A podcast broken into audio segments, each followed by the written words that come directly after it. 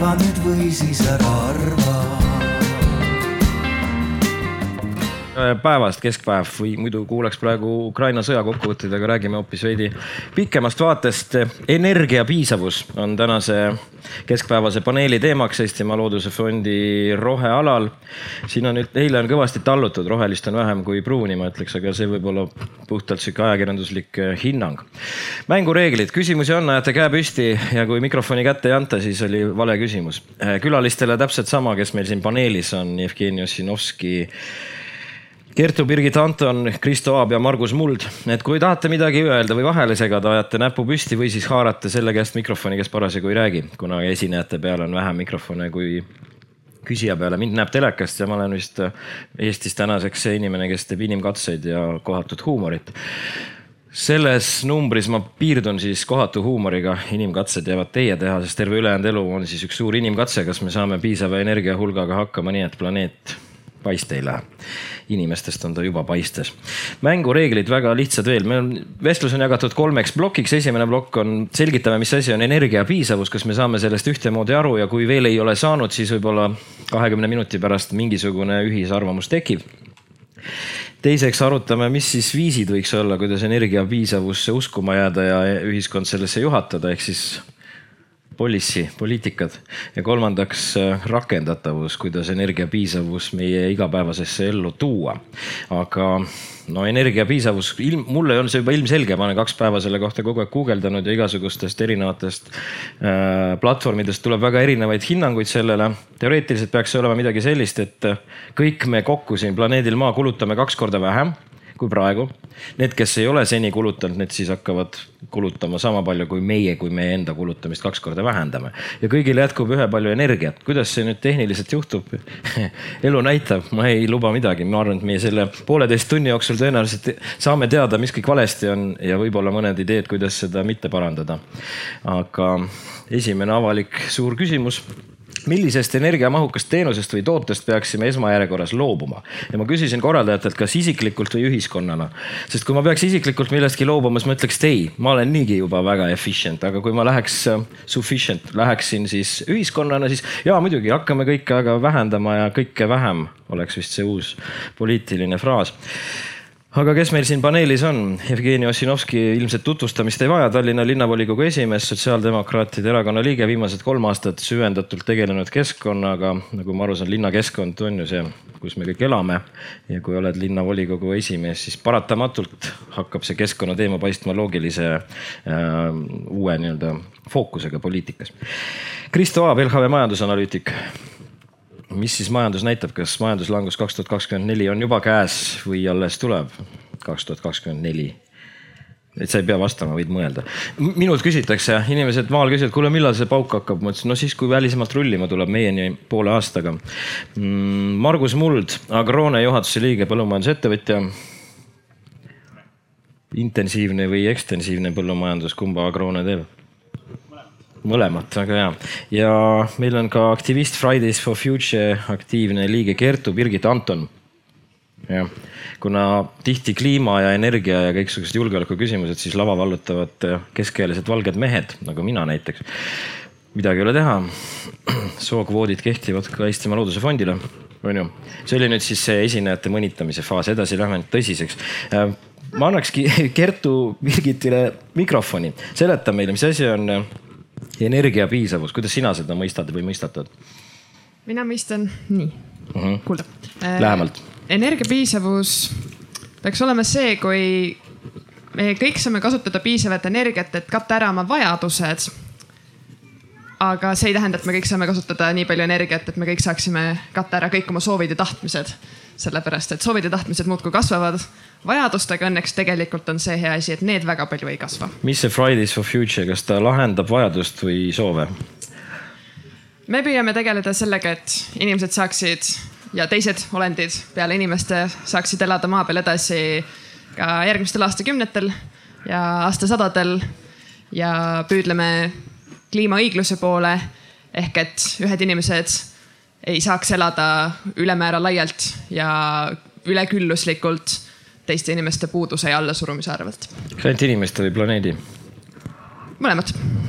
see on siis soovmõtlemine või on see nüüd paratamatu vajadus, kuhu me kõik siin jõudnud oleme, need, kes ei ole nii laialt elanud, ütlevad, et aga meie tahaks ka ja siis need, kes liiga laialt elavad, peaks siis vähendama oma tarbimist täpselt nii. selge, no ma küsisin, aga sain vastuseks jah, okei okay., see oli kas-küsimus ka. Jevgeni Ossinovski, Tallinna linnavolikogu esimees. Jevgeni, kui sina nüüd energiapiisavust nii-öelda noh, linnavolikogu vaates püüaks elanikule, valijale müüa, siis mis sa siis ütleks, et öösiti tänavavalgustus ei põle, trammid sõidavad ainult sinna, kuhu vaja?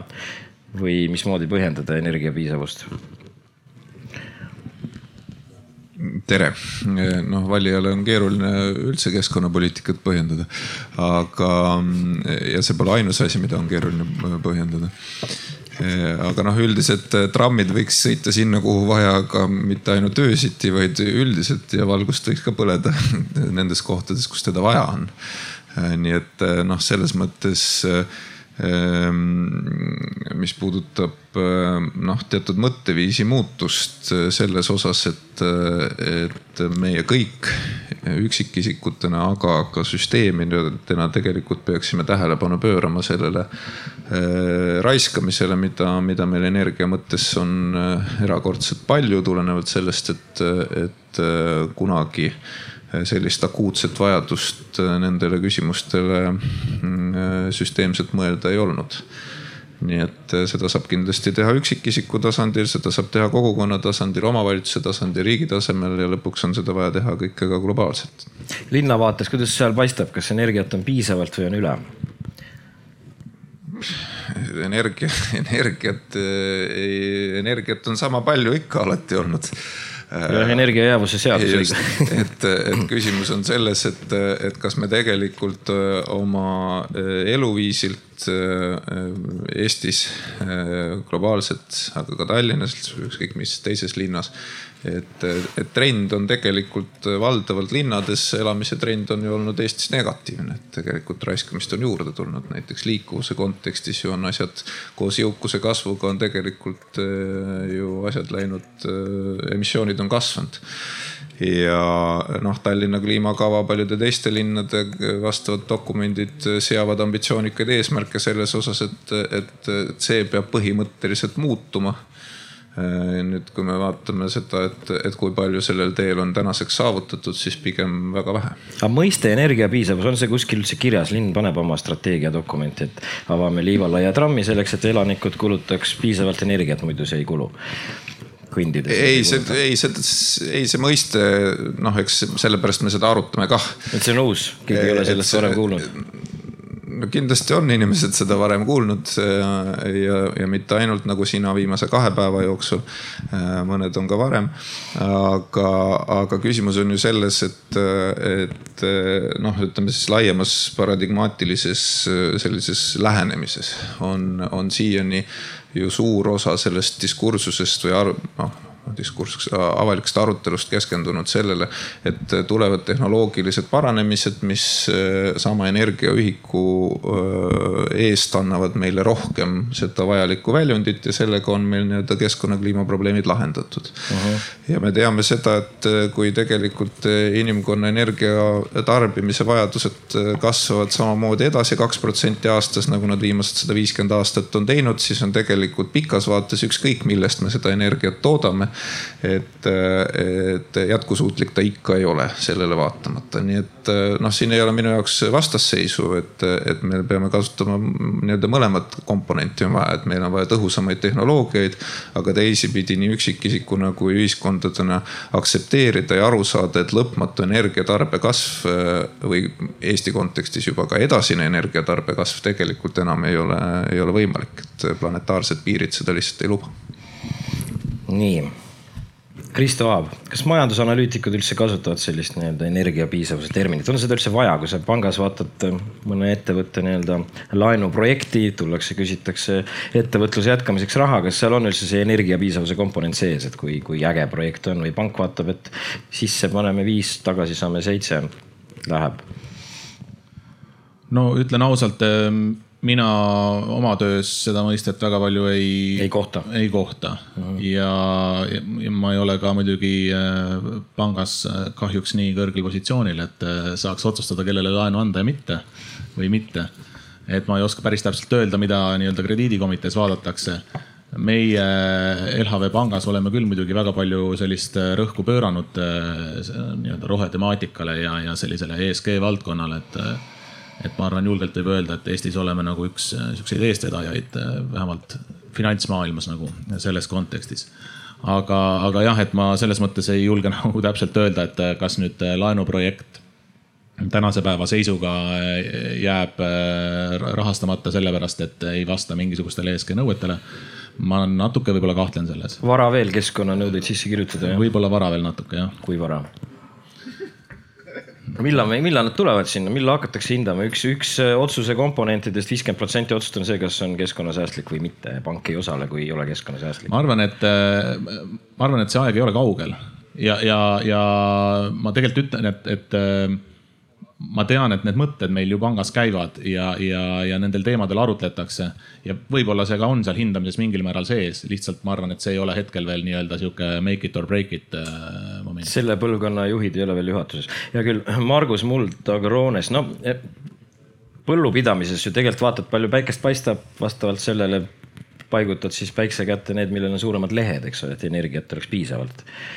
nii palju, kui mina taimede kasvatamisest aru saan või, või kuidas teie valdkonnas energia piisavust mõõdetakse, palju traktoristil aega kulub ja mitu hektarit ta ära künnab selle ajaga? no energia piisavust on nagu mitmes, mitme nurga alt saab vaadata et me kasutame erinevaid energiaallikaid. kasutame elektrit päris palju, kasutame kütust ehk enamuses diiselkütust ja siis ka gaasi. et, et ja ega me püüame ka seda võimalikult efektiivselt kasutada et nähes, kui äh, kallis ta on ja tooted, mis me toodame, oleks ka nii-öelda mõistliku hinnaga, et me ise pankrotti ei lähe, et, et siis me kogu aeg vaatame oma energiakulusid üle, investeerime, teeme. et, et eks see põllumajandus on äh, jah, suhteliselt, ma arvan, energiakulukas tegemine. kõvasti läheb väetist, et meie liivasest mullast midagi välja võtta, eks ole tegelikult ei lähegi väga palju väetist õnneks, et äh, ma arvan, et üks asi on väetis ja ma arvan, meie Eesti tegelikult asub väga hea koha peal, et, et et kui teised räägivad temperatuuridest, äh, mm, suurtest põudadest, siis Eestis tegelikult ma ütlen, et ilmastik ja see on ikkagi suht hästi. neli aasta aega, teeme aplausi meie aastaaegadele ahah, näed, mõned isegi jälgivad meie vestlust, väga hea. siin te näete, on äh, väiksed valged lipikud ja seal äh, sinna korvi, mina ütleks, et ma tahaks teha sellist polli, kui keegi tunneb, et tal on vastus valmis, äh, millist energiamahukat teenust või toodet tuleks esmajärjekorras oma valikutest kõrvale jätta, siis äh, ühele lehekülje küljele kirjutage ühiskonnana, millest peaks loobuma ja teisele leheküljele kirjutaks, millest isiklikult peaks loobuma või olete valmis loobuma. see on nüüd üks rahvaküsitluse liik mõelge selle üle, meil on siin poolteist tundi arutelu, sel ajal võib ju vastuseid pähe tulla ja need siis võiks sinna üles kirjutada, pärast lööme kõik kokku, paneme Eestimaa Looduse Fondi statistika kokkuvõtete aastaraamatusse. et see on nüüd sihuke esialgne signaalide mõõtmine. teine signaal on veel siin, ma tahaks aru saada, miks te siia kuulama tulite, meil paneeli, panelistidel on alati siia asja, sest meil on palju asju, mida me muidu äh, kohvikulava vestlustes ei jõua arutada. seal käivad palju tehnilisemad küsimused, siin saab lõpuks filosoofiliselt äh, paradigmat muuta ja diskursust avada. et eh, publikust tahaks ka nüüd aru saada, kas te tulite Mutikat vaatama, kes tulid, tõstke käsi üles. nii, väga ausad vastajad, aitäh. kes tulid Ossinovski peale? samad inimesed, meil on elektoraat klapib, väga huvitav um,. kes tulid põllumehele kaasa elama um,? Fridays for future ehk siis reedeti mitte tööl käia, väga hea ja pankureid on on väga hea, kaks inimest hilinesid ka, nad vist tulid lihtsalt hea, huvitava jutu pärast. sõbrad, aga nüüd äh, teine küsimus samas äh, hääletuses. kas me tegeleme energiateemaga sellepärast, et elektrihinnad on üles läinud ja me tulimegi sellepärast siia paneeli, et äkki saab vastuse, kust, kust tuleb tolm ja kuhu kaob raha? aitäh, üks aus vastus, mina tulin ka sellepärast, mina ei saa aru, miks elekter järsku kalliks on läinud ja kui ma seda õlitöösturitelt olen küsinud, siis nad seletasid, et vanasti kui nemad olid veel nooremad kui mina praegu, oli nii Sosnovi Bor, aatomieelektrijaam, andis meile selle hulga elektrit osa, odavalt ja pidevalt kõrvaltootena toodeti plutooniumi. aga see selleks, et, et odavalt ja pidevalt sellise hulga elektrit, mis vastas kõigi meie piirkonnas siin, mis ta oli, loode energiapiirkonnas, vajadustele, eks ole, siin on Peterburis seitse miljonit elanikku, Eesti peale üks koma kolm, Läti, Leedu tulid juurde. praktiliselt sihuke kaksteist miljonit on selles levialas, kus on siis kindel foon, kui palju elektrit on vaja selleks, et asjad toimiks. aga kõrvale tehti Narva elektrijaamad, üks kuuekümnendatel, teine seitsmekümnendatel, selleks, et katta tootmise tippe tootmine käivitab mootori, mingi suure elektrigeneraatori või elektrimootori, mis vajab hetkeks käivitusvoolu väga palju. seda tuumajaam ei anna, sest tuumajaam annab meile sellise platoo elektri. nüüd kõik need tipud, neid kaetakse fossiilsest. meile tänapäeval jääb mulje, et elektri, tuumaenergia on kallis ja fossiilne on odav ja kõik justkui väidavad, et subsideeriti fossiilsetega kallist tuumaenergiat. no paberi pealt vaatab vastu vastupidine, tuumaenergia oli odav, sest ükskord ehitati jaama valmis, seitsekümmend aastat annab elektrit kuni pauk käib ja nüüd seda sisepõlemismootoriga, kas ta siis on keevkiht tehnoloogial või gaasi või küt- ja kivisöejaamad, nende ümber käib kogu aeg üks suur hooldamine, tahma väljaviimine ja muu möll, eks ole, neid on kallis pidada, aga nad katavad neid tippe. Neid käivitatakse siis, kui on ennustatav tipp kõrge. praegu me oleme olukorras, kus meil seda odavat fooni ei tule, sest Olkiluoto on remondis Soomes sa äkki rääkisid ikka Fermi meestega? Nad on järgmises paneelis, aga ma lihtsalt tegin neile sissejuhatuse ära, et nad ei peaks ise hakkama nullist seletama, miks on tuumaenergia võib-olla üks lahendusi, enne kui me õpime ära päikselt otse maa peale elektrit saata. ja see on nüüd see tulevik, mida meile lubatakse. Ameerika, mis ta oli, Friedmani, mitte Miltoni, aga George Friedmani instituut on välja arvutanud, et ilmselt aastaks kaks tuhat viiskümmend mõeldakse välja, kuidas päikseenergiat tarnida maale nii, mitte nii nagu praegu paneelidega, vaid eh, otse. Antakse orbiidilt surakas ööpäevaringselt kindlas kellaajas kindlasse kohta, saabub surakas ja sellest jätkub kõigile see on tasuta. ja nüüd seda me siin kõik ootame, lükkame kliima, kliimakavasid edasi, ütleme, et ah, ärme siis metsa raiu, et võib-olla läheb hiljem vaja, et loogiline. Ehm, aga nüüd see oli nüüd see hetk, kus ma räägin peaaegu aja täis, et me jõudsime energiapiisavuse mõistega sinna, et meil on vist kõigil enam-vähem üks arusaam, et see on nüüd siis selline seletus, kus kõigile piisab, ka neile, kellel seni ei olnud. ja neil, kellel seni oli üle, see on nüüd see poliitika pool. Neil, kellel seni oli üle, neile me peame hakkama siis selgeks tegema, et ärge raisake. ma ei tea, kuidas, kuidas, kas see on see, noh, sa Jevgeni ütlesid, et poliitiku jaoks on see nüüd üks tundlik asi, seda ei müü elanikele maha. ükskõik kui populistlikult ka ei vaataks, heal juhul kaks protsenti häältest Riigikokku ei saa. viite on vaja, mikker ka riigikogu on viis protsenti, sa ütled, et kaks protsenti elanikest. ei, ma ei öelnud kaks protsenti, ma ütlesin, ma olen seda näidet mitu korda öelnud, et, et kui äh, küsitletakse äh, siis kodanikke enne valimisi, et, et kui tähtsad on Eesti inimestele keskkonnateemad siis, siis kaheksakümmend üheksa protsenti. Väga tähtsad. Äh, ja siis, äh, kui hakatakse täpsustavaid küsimusi küsima, siis hakkab see niimoodi kaskaadina alla tulema. ja küsimus on, et, et kui paljud äh, kujundavad oma valimisvaliku valimiskasti juures, lähtudes sellest, kas erakond või konkreetne inimene on keskkonnapoliitiliselt adekvaatne. Neid inimesi on umbes kaheksa-üheksa protsenti. no siis saaks ju Riigikokku sisse. jah. veaks ikka seitse kohta välja umbes või isegi rohkem yeah.. eks koalitsiooni oleks asja, kui on seal tugevamad ees, kes toetavad seda vaat-, nojah, see on nüüd kõik, eks ole, dokumentides, ma nüüd sõnastan uuesti siis, mis asi on energia piisavus. pikk seletus, püüdke siis jälgida. katse ümber mõtestada ja disainida nii kollektiivset kui ka individuaalset tegutsemist, et anda eelis vähem energiat nõudvatele toodetele, tegevustele ja teenustele, et planeedi kestlikkuse piiridesse mahtuda selle energiapiisavuse lähenemise kandev idee on mõtiskleda inimeste vajaduste, sotsiaalse õigluse, majandusliku arengu, linnastumise ja tarbimisharjumuste üle ning analüüsida, kui paljust energiast ühe inimese heaolu kindlustamiseks piisata võiks. samuti seda, milliseid poliitilisi samme, sotsiaalseid ja kultuurilisi muutusi on selle toimumiseks vaja. no palju piisata võiks, seda vist peab igaüks iseenda sisse vaatama. küsimus võiks teile sellele viidata, eks, aga nüüd läheme siis sinna sotsiaalsete, kultuuriliste, poliitiliste sammude juurde. mis me siis teeks, et vähendada raiskamist, aga siis viia ka neid, kes üldse ei raiska sellesse kohta, et nad raiskaks sama palju kui need, kus, kui need, kes juba raiskamist vähendama hakkasid, et kuidas tagada võrdsus ja noh, e-, ega siis see pole muidugi ka täppisteadus nagu noh, see, mis sa ütled, on ju põhimõtteliselt õige, et, et, et me peame katma vajadused, aga mitte soovid. aga noh, kui hakata seda püüda siis seda defineerida, et kus läheb siis piir nii-öelda mingite baasvajaduste ja, ja soovide vahel, siis ega see pole mingisugune täpne joon, eks ju, et see on ka arbitraarne valik, sõltub olukorrast sõltub ühiskonnast, see on lõpuks ka mingisugune ühiskondlik otsus. et, et noh, loomulikult võib öelda, et kuskilt on noh, nii-öelda bioloogiline miinimum, eks ju, mingid miinimumhulk kaloreid ja, ja, ja toatemperatuuri kraade, millest alla noh, ei ole võimalik elada, aga ma arvan, et, et, et me keegi ei kujuta ette, et see on siis nüüd see energia piisavuse maksimum, et kõik peaksid jääma sellele arengutasemele, et saame miinimumkaloreid kätte ja, ja, ja, ja sellega on ju ühiskondlik, et see on siis see ühiskondlik areng, mida me tahaksime. et mulle meeldib seda mõtestada ühe teise majandusmudeli kaudu, mis, mille, mida eesti keelde sõõriku majandusena on tõlgitud, see on Briti äh, majandusteadlase äh, siis äh, välja mõeldud mudel, donut economy mis on noh, visuaalse mudelina minu meelest väga hea, et ta on siis selline sõõrik, mille sees on tühi auk ja, ja et kui me üldiselt oleme oma nii-öelda majandus, ühiskondliku arengu, majandus äh, nii-öelda arengut mõtestanud noh, siiamaani hästi lineaarselt, et noh, selles mõttes hea on see joon, mis läheb kogu aeg üles, noh, mõnikord võib natuke alla minna, aga siis me ikka pingutame, et ta jälle läheks kogu aeg üles. ja kui ta üles läheb, noh siis on väga hästi.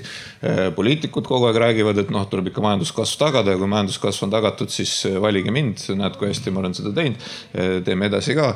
noh, omaette küsimus, kui palju poliitikud mõjutavad majanduskasvu, aga, äh, aga et noh, et see on see, see, see, see on see nii-öelda lugu.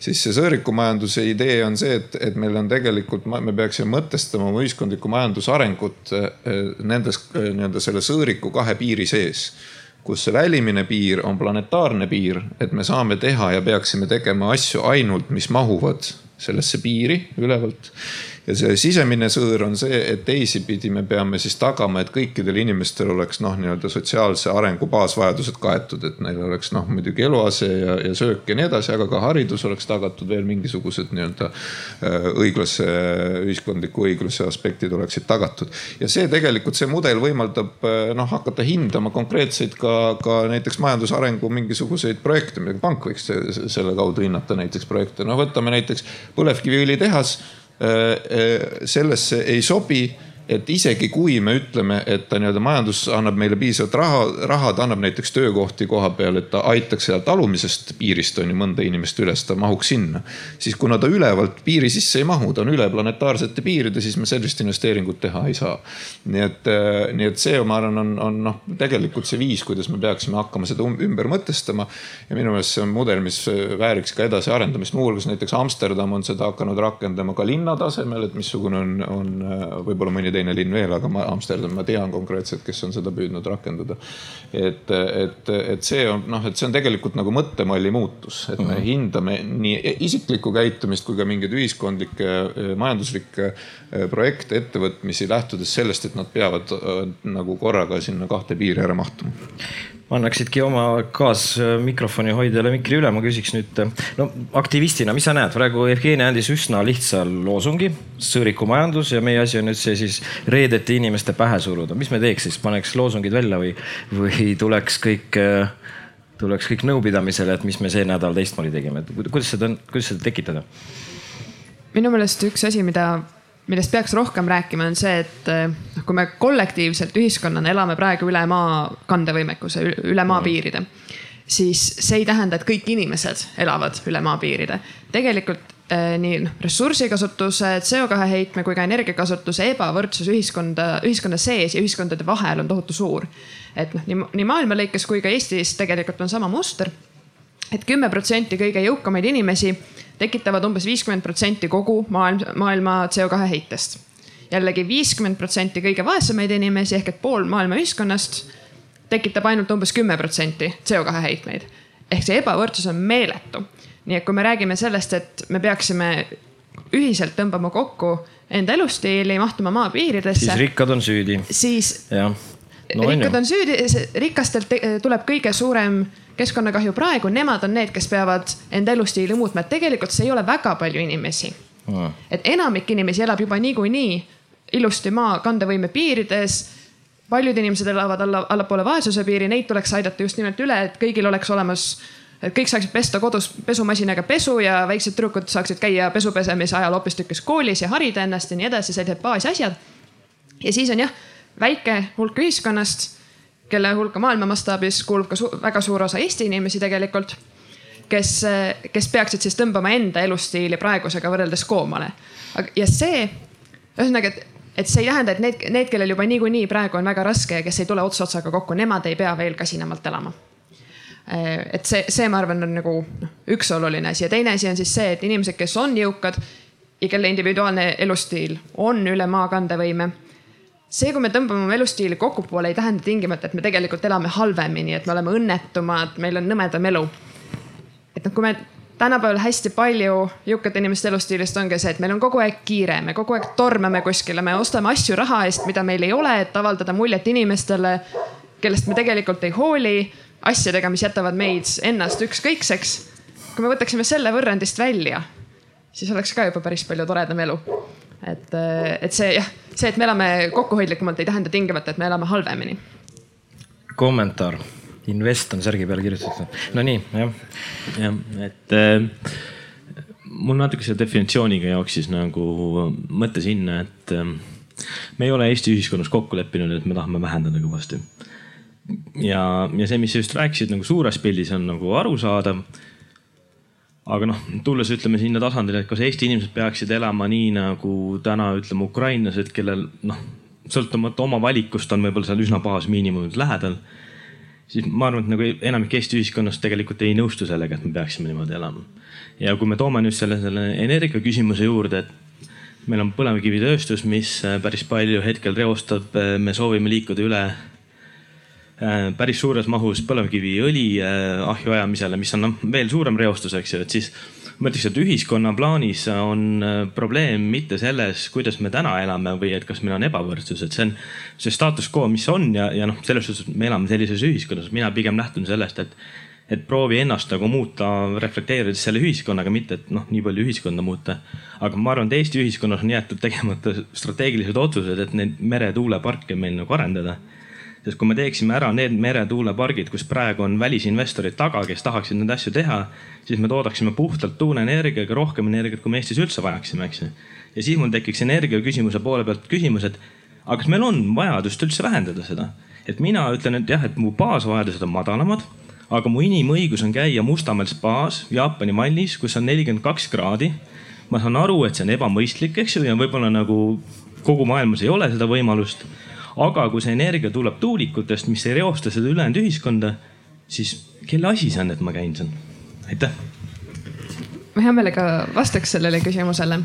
et see, see on hästi oluline küsimus, et miks me peame vähendama, kui me saame, noh, kui me panemegi püsti tuulikud ja päiksepargid ja salvestusvõimsused ja kaevandame liitiumi ja paneme akudesse ja siis meil on kogu aeg taastuvenergiat ja me saaksime kogu oma elustiili praegu ära elektrifitseerida, kasvuhoonegaase ei tule ja kõik on timm.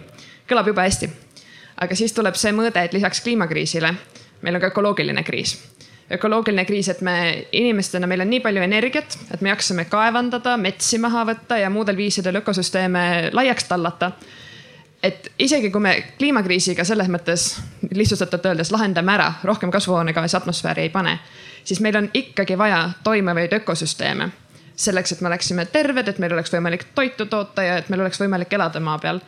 ja taastuvenergiaga, kui me jätkame nii palju energia kasutamist nagu praegu, isegi kui see tuleb ainult puhastest taastuvatest allikatest, siis esiteks selle energia tootmine, kaevandamine, materjalide leidmine võtab, noh, see nõuab nii palju ökosüsteemide äralõhkumist. ja lisaks see energia võimaldab meil nii palju ökosüsteeme ära lõhkuda. et kokkuvõttes see ei ole ikkagi jätkusuutlik ja seetõttu me peamegi ühiskondlikult jõudma kokkuleppele, kuidas me ühiskonnana vähendame oma energiatarbimist. ja see hulk energia, energiatarbimist, mida me ei saa vähendada, mida me tarbime et see tuleks puhastest allikatest. saalis jälgitakse kõnelejat mõrvari pilguga, anname talle korraks mikrofoni. tervist väga vähe on olnud juttu sellisest, kas ma olen vale koha peal? strateegiliselt hästi paigutatud, tsensuur sekkus ilma küsimata. hea küll, ma seletan teile ära, et me nüüd seni me oleme nagu alati, alati lahendanud muresid selliste meetoditega, mis seni on nagu tundunud, et need on nüüd need õiged. praktika näitab, et need ei ole õiged ja küsimus, kas me saame kastist välja mingeid muid meetodeid leida. energia piisavuse seisukohast on noh, teadlased on öelnud, et põhimõtteliselt me võime lõputult tõhustada oma seadmeid, viia nende energiavajadust alla. aga kui meil kõrval tarbimine muudkui kasvab siis ei ole vahet, kui vähe see Mac siin päikse käes suudab taas toota energiat, see kokkuvõttes äh, ümber selle jääb nii palju elektrit üle, et seda kulutatakse millegi muu tarbimiseks, seesama see spa vee soojendamine näiteks, eks. Jah, et äh, kui meil on kaks ja pool protsenti aastas on energia tarbimise kasv, siis saja aasta peale on meil energiat vaja kümme korda rohkem. Kui meil selleks, et, et praegu katta kogu maailma energiavajadus, on vaja maapindalast eh, null koma üks protsenti katta päikesepaneelidega. Saja aasta pärast, kui jätkuks sama kasv, oleks see üks protsent. kolmesaja aasta pärast oleks vaja kogu maapindala katta päikesepaneelidega, et ära katta energiavajadus see on ühest raamatust äh, meelde jäänud näide, aga et see tegelikult seletab selle probleemi ära, et, et ei, ta arvestab ikka, ega lõpuks tuuleenergia on ka päikseenergia natuke teise moodusega. et, et küsimus on selles, et kui sul äh, energiatarve jätkab kasvu, siis äh, meil hetkel äh, ei ole tegelikult seda lahendust, mis äh, võimaldaks meil ad infinitum jätkata samasuguse kasvuprotsendiga. ja kõik, mida ei ole võimalik teha ad infinitum, on definitsiooni järgi jätkusuutmatu. ongi kõik. Lihtne arvutuskäik. tahad kommenteerida, nüüd ei vilista? ma, ma lähen tagasi, tagasi. noore daami juurde. Jevgeniga räägime mujal. aga äh, on kaks asja, mis on mulle silma jäänud kõrva äh,. üks on väide äh, kollegiaalse teadlase poolt, et meie laev äh, rändas sadamast ära äh, kaks tuhat seitse. tähendab, meil tagasi pöörata nagunii ei ole võimalik enam ja nüüd teeme excuse me french, sitast saia. aga teine asi, millest ka suhteliselt vähe räägitakse pigem keskendutakse detailidele, see energia ja prügi ja, ja tarbimine on äh, ühisvara tragöödia. Äh, kas mitte demokraatlikud ühiskonnad ei ole seda ühisvara tragöödiat võimendanud? Mm, meil on siin energiapiisavus mõistena laual ja püüame menetleda seda tood ühisvara tragöödia mängu. põhjenda ära või seleta ära, mis see on? minu meelest on see selline äh, tänapäeva inimese mm, mõttemulli väline kest kuhu sisse on hästi palju pakitud. võib-olla on neid äh, membraane on seal ümber veel, äh, millest tasuks rääkida, et saada suuremat pilti kätte.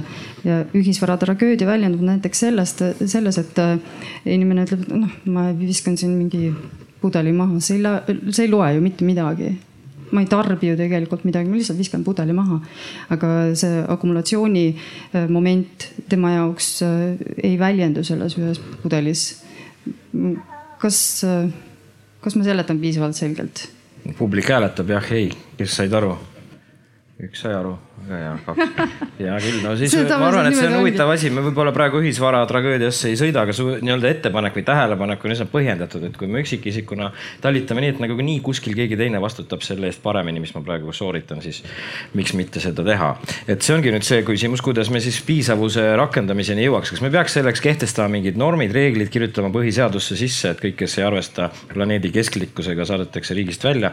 Või on see ikkagi võimatu, et survega me me tekitame ainult trotsi ja motivatsiooni tekitamiseks tuleb lihtsalt järgmistele põlvkondadele seda kooliharidusega sisse anda või emapiimaga. mis instrumendid meil on? väga palju huvitavat juttu on olnud ja, ja. mõtteid. Polegi sõna saanud sekka jah? Polegi saanud sõna sekka öelda just ähm, mulle tundub, et ähm, nagu kaks poolt on selles teemas, eks üks on see, et äh, kuidas me energiat toodame, mis äh,, mis meetodeid me kasutame selleks, on see roheline, on see pruun, eks. ja teine on siis see tarbimise teema ja minu meelest nagu see, just see, see nii-öelda see tarbimisühiskond, mis on nagu sihuke domineeriv äh, vähemalt sihukese arenenud maailmas on ju. et äh, see on nagu see kurja juur, eks. et kui me mõtleme kasvõi äh, mm, ütleme nagu riigiüleselt sellise, et noh, kuidas mõõdetakse riigi edukust laias laastus mõõdetakse seda skp numbritega, eks majanduskasvu numbritega. kui meil majandus kasvab, siis me oleme edukas riik, vahet ei ole, kas me võtame seal absoluutnumbreid, võtame seda per capita inimese peale, eks. seda mõõdetakse majanduskasvuga. ja, aga milleks on nagu skp näitaja üldse kunagi välja mõeldud või, või, või kuidas see on, millest see tuleneb, eks see on nagu, sellega mõõdetakse tootmist, mõõdetaksegi tarbimist see ei ole, see ei näita mingisugust sellist äh, inimkonna heaolu, inimeste rahulolu, midagi sellist, see on, see on, see on puhtalt äh, noh, materiaalne näitaja, eks, et mitu ühikut me midagi toodame. mõõdad sa seda siis selle läbi, et kui palju me reaalselt toodame või, või kui palju tarbite, eks, et noh, ideaalses kontekstis need peaksid nagu võrduma omavahel. ja, ja senikaua, kuni me nagu noh ma ütlen me, eks ma ei mõtle siin nüüd meid siin Eestis või, või veel vähem meid siin, eks. et aga senikaua, kuni me üldiselt nagu äh, mm, hoiame seda skp näitajat nagu sellise ülimuslikul äh, tasemel kuskil, siis noh, see ei muutu sellepärast et, et äh, kogu, kogu edukus meid pannakse kuskile edetabelitesse ikkagi selle alusel, eks. kõik tahavad kõrgemale pürgida. Äh, poliitikud, äh, riigijuhid, eks ole, kes, kes nii-öelda siis noh, vastutavad justkui selle eest või, või valitsevad, korraldavad sellist avalikku võimu, eks. Nemad teavad ka, et neid hinnatakse selle alusel, kas majandus kasvab või ei kasva.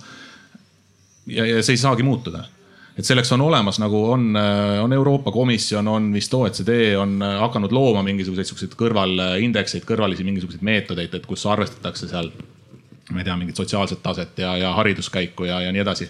võetakse neid arvesse, aga need, need indikaatorid, noh, nad ei ole veel äh, võib-olla liiga hästi valmis, nad ei ole liiga hästi tööle läinud, need ei ole nagu populariseeritud.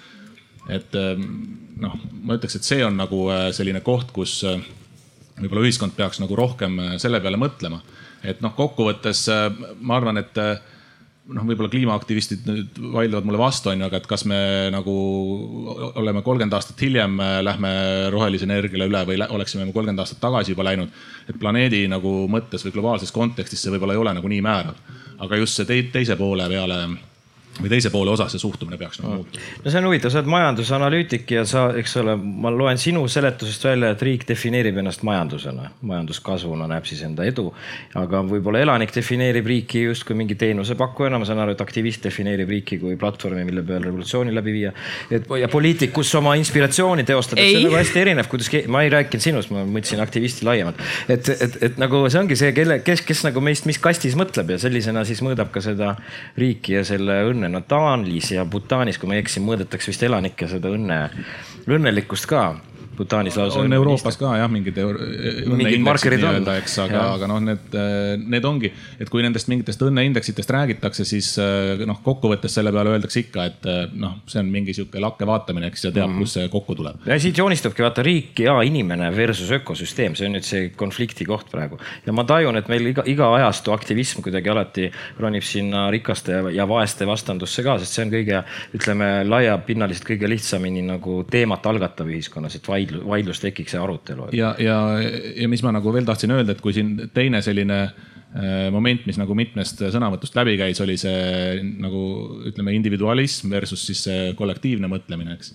et kui me kollektiivselt oleme kõik nagu äh, ei ole keskkonnasõbralikud ja, ja mõistame, et see on, äh, see on vajalik ja sellega peab tegelema, eks aga kui individuaalselt mõelda, et noh, kas mina nüüd olen valmis midagi. Enda energia tarbimist poole peale tõmbama. siis nagu Jüri alustas, ütles, et noh, ei tõstad käed üles, et mina olen piisavalt sufficient juba. alati jah. et äh, mina, mina võib-olla ei peaks ja et äh, ehk, et äh, võib-olla praeguses kontekstis on nagu raske näha seda, et, et see, et see algatus või see ähm, ütleme, see üks sõnum on ju selline, et iga inimene peaks nagu enda käitumist muutma, et siis me saame nagu seda olukorda parandama. Et mina väidan, et sellest, äh, et see ei ole nagu parim viis selles mõttes, et äh, indiviidi tasemelt ei tule seda piisavat algatust, et see peab olema, see peab tulema riigi tasemelt. on see siis äh, kas selle nii-öelda selle skp või, või mingisuguse mõõdiku muutus või see, see mõtlemise muutus selles osas või, või, või, või on see noh, lihtsalt mingisuguse struktuuri loomine ümber teistmoodi. et see, see algatus või see peaks nagu tulema pigem nagu äh, siis äh, teiselt nii-öelda ühiskonna poolt jah. aga ühiskond peab delegeerima selle, kõigepealt tuleb see teema maha müüa, on see üldse platvormina tehtav, Jevgeni, mis sa hindad? noh, meil on, meil on suht kõrgharidusega kõik, kes valimas käivad. jah. Need, kes ei käi, need äh, ei ole tihtilugu ja paar märkust, et, et esiteks äh, küsimus sellest, et kas äh, oleks pidanud kolmkümmend aastat tagasi või mitte. et on küll vahet, see ei ole nüüd hoiaku küsimus, see on teaduse küsimus. et aastast üheksakümmend me oleme tänaseni paisanud kasvuhoonegaase rohkem atmosfääri kui sajand enne seda ja meil on lõplik Äh, teadaoleva teaduse põhjal lõplik äh, budžett äh, selleks, et püstitatud eesmärke saavutada, on ta poolteist kraadi või kaks kraadi. et ja kui me oleksime kolmkümmend aastat tagasi selle asemel, et, et vajutada gaasipedaal põhja globaalselt siis emissioonide suurendamisel, selle asemel hakanud vähendama, siis me kindlasti see ülesanne, mis meil meie ees täna seisab aastaks kaks tuhat kolmkümmend ja ka aastaks kaks tuhat viiskümmend, oleks märkimisväärselt usutavamalt saavutatav, kui, kui ta ta täna on ja eeldaks palju väiksemaid äh, muutusi ja oleks palju suurem tõenäosus, ka teaduslikult välja arvutatud palju suurem tõenäosus äh, nende eesmärkide äh, saavutamiseks, aga noh, lihtsalt see, mis kolmkümmend aastat jäi tegemata, selle üle võib arutleda, aga sellega pole enam midagi pihta hakata, et, et pihta saame hakata asjadega, sellest võime õppida, nendest vigadest, mis tollal, tollal jäid, jäid saavutatud. Ja, ja ka ma olen nõus ühtepidi selle hoiakuga, et, et noh, tihti siis eh, eriti noh, suured saastajad armastavad seda rääkida, seda, et, et, et eks inimesed peavad ise oma käitumist muutma.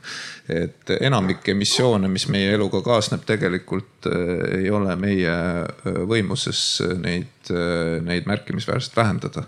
et mina ei saa valida seda, missugust elektrit minule võrku tuleb, et seda otsustavad teised inimesed ja kui Eestis äh, nüüd sel aastal tulevad jälle rekordheitmed tulenevalt sellest, et äh, ka need äh, Eesti Elektrijaama vanad sarad on tööle pandud, siis mina ei saa selle, seda mitte kuidagi mõjutada tarbijana, et, et missugust elektrit mulle võrku tuleb, et neid riike tuleb teha või neid valikuid teeb ühiskond tervikuna. täpselt samamoodi on ju vahva öelda, et, et jätta auto koju ja sõida on ju rongiga rongiga jahi, ristilt jahi. näiteks.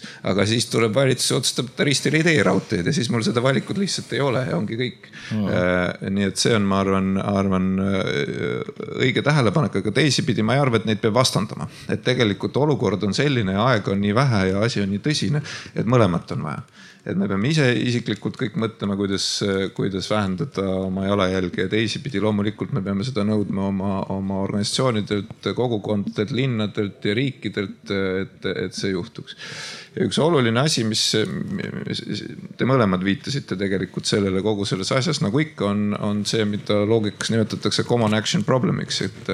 et ma ju võiksin teha juhul, kui teised ka teeksid, eks noh, mõnel puhul on see mugavusküsimus, eks ju, et, et miks ma peaksin, kui teised ei tee.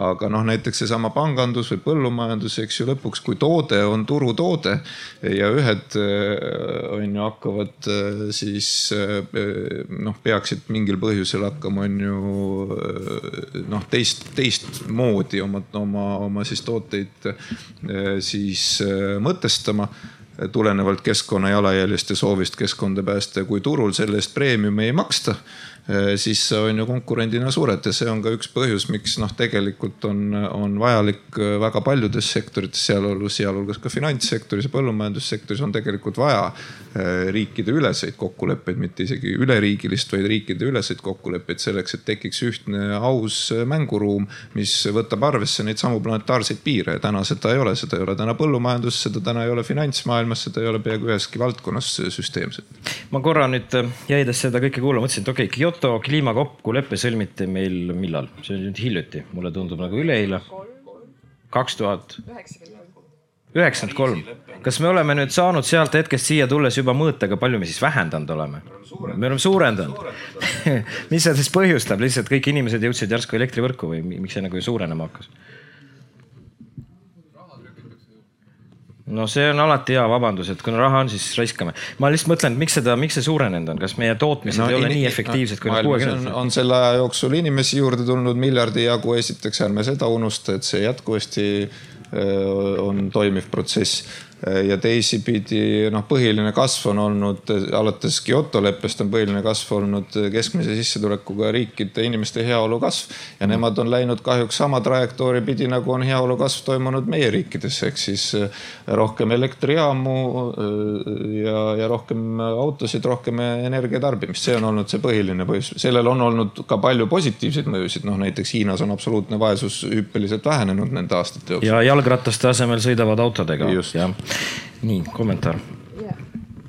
ma veel lisaks selle rahvusvahelise koostöö aspekti ka, et äh, mis on selline riikide, riikidevahelise õigluse küsimus, et noh, et kes peaks hakkama seda rohepööret siis tegema. et äh, noh, nagu Eesti üldiselt, noh Eesti põhiline vabandus on see, et ah, me oleme nii väikesed, las teevad, teised teevad enne ja siis, kui teised, teistel läheb hästi, siis me tuleme ka järgi. noh, Saksamaa ütleb samamoodi, et aga võrrelge Hiinaga, Hiina on nii suur. Hiina ütleb, et aga vaadake kogu ülejäänud maailma, me ei ole isegi pool ja niimoodi kõik veeretavad seda palli üksteisele, lootes, et keegi teine teeb enne ära ja, ja teine asi on puhtalt selline majanduslik või noh, see rahaline hakkamasaamise küsimus.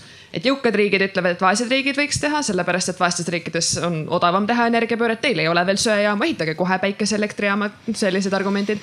samas vaesemad riigid ütlevad, et aga meil on enne vaja ehitada enda inimestele teed ja koolid ja haiglad ja kõik asjad, mis te olete saanud fossiilkütustega ehitada. me tahaks nüüd ka seda saada, me tahame ka jõuda samale inimlikule arengutasemele. et teie olete juba nii kaua pidu pannud põhja, noh põhjapoolkera riigid enamasti. võtke nüüd teie esiotsas, näidake eeskuju, võtke kasutusele uued tehnoloogiad ja niimoodi see pingpong käib ja, ja kokkuvõttes. kes, kes peaks olema. otsustama, kes peaks otsustama, mis on piisav ja kuidas me seda siis nii-öelda pärast, kui me oleme ära defineerinud ja nõustunud, et jah, on piisav ja seda siis rakendama hakkame. kas see käib siis nii, et iga, iga demokraatlik kooslus ise vaatab, mis tema arust piisav on või? Ma tahaks tuua veel tegelikult eelmise teemaga seoses, et kui kiire meil on. et noh, Jevgeni ütles, et meil on, on väga kiire, kõik panused on olulised, igaüks peab panustama kohalikul tasandil, indiviidi tasandil, riiklikul tasandil. ja see on õige, aga ma tahaks siia tuua paar arvu, et me saaks päriselt aru, kui kiire meil on. et valitsustevaheline kliimamuutuste paneel koostab iga paari aasta tagant ülevaadet kõige, noh kogu saadaolevast kliimamuutuste alasest teaduslikust teadmisest viimases raportis minu meelest oli umbes kolmkümmend seitse tuhat artiklit üle vaadatud ja kokkuvõttesse pandud ehk noh, see on suur korralik teadmine. ja viimase raporti põhjal selleks, et inimkonnal oleks võimalik hoida kliima soojenemist alla kahe kraadi, mitte ühe koma viie, alla kahe kraadi, peab inimkonna süsinikuheide hakkama väga kiiresti vähenema enne aastat kaks tuhat kakskümmend viis. praegu meil on kaks tuhat kakskümmend kaks suvi, meil on sinna aega kaks ja pool aastat. ja isegi kui meil see hiiglama suur ülesanne õnnestub, siis see isegi tegelikult ei garanteeri, et me jääme alla kahe kraadi, vaid see tõenäosus on kuskil kuuekümne kuue protsendi juures.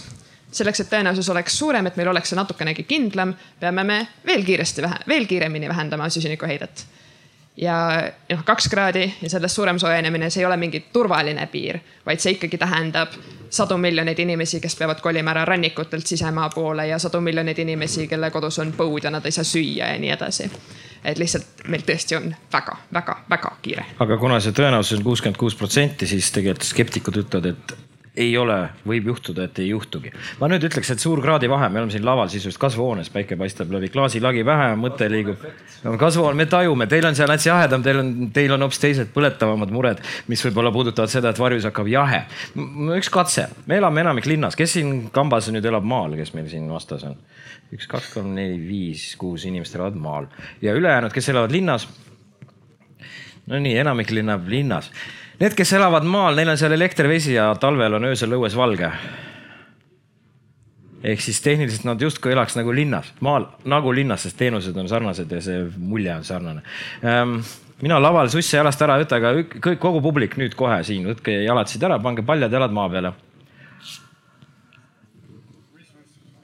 sokid võib ära võtta, muidu lähevad valged ilusad sokid roosaks. see on sokkides, okei okay,, valiku küsimus, võib-olla puuki ei taha, siis sokkides võib ka. No trepi omad ka, teile kehtib sama, see ei ole ainult siin põrandal, seal on ilusti rohi olemas, palun teeme seda. Teil on veel minut aega. ühed põgenesid igaks juhuks, läks inimkatseks, ei taha osaleda. ega ta, jah, lapsed tuleb ära võtta, see võib olla ohtlik. nii no mees seljakotiga, teil on sotsiaalne surve, kõrval on teised ka sussides ikka, võtke ära. või mõni ei saa eesti keelest aru äkki, vabandust.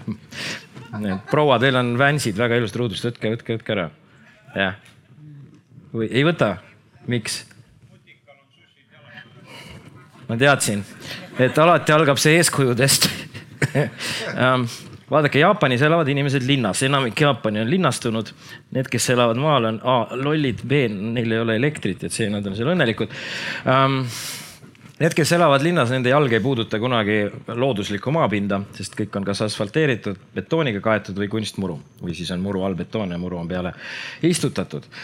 on üks raamat, Metsateraapia on eestikeelne pealkiri, seal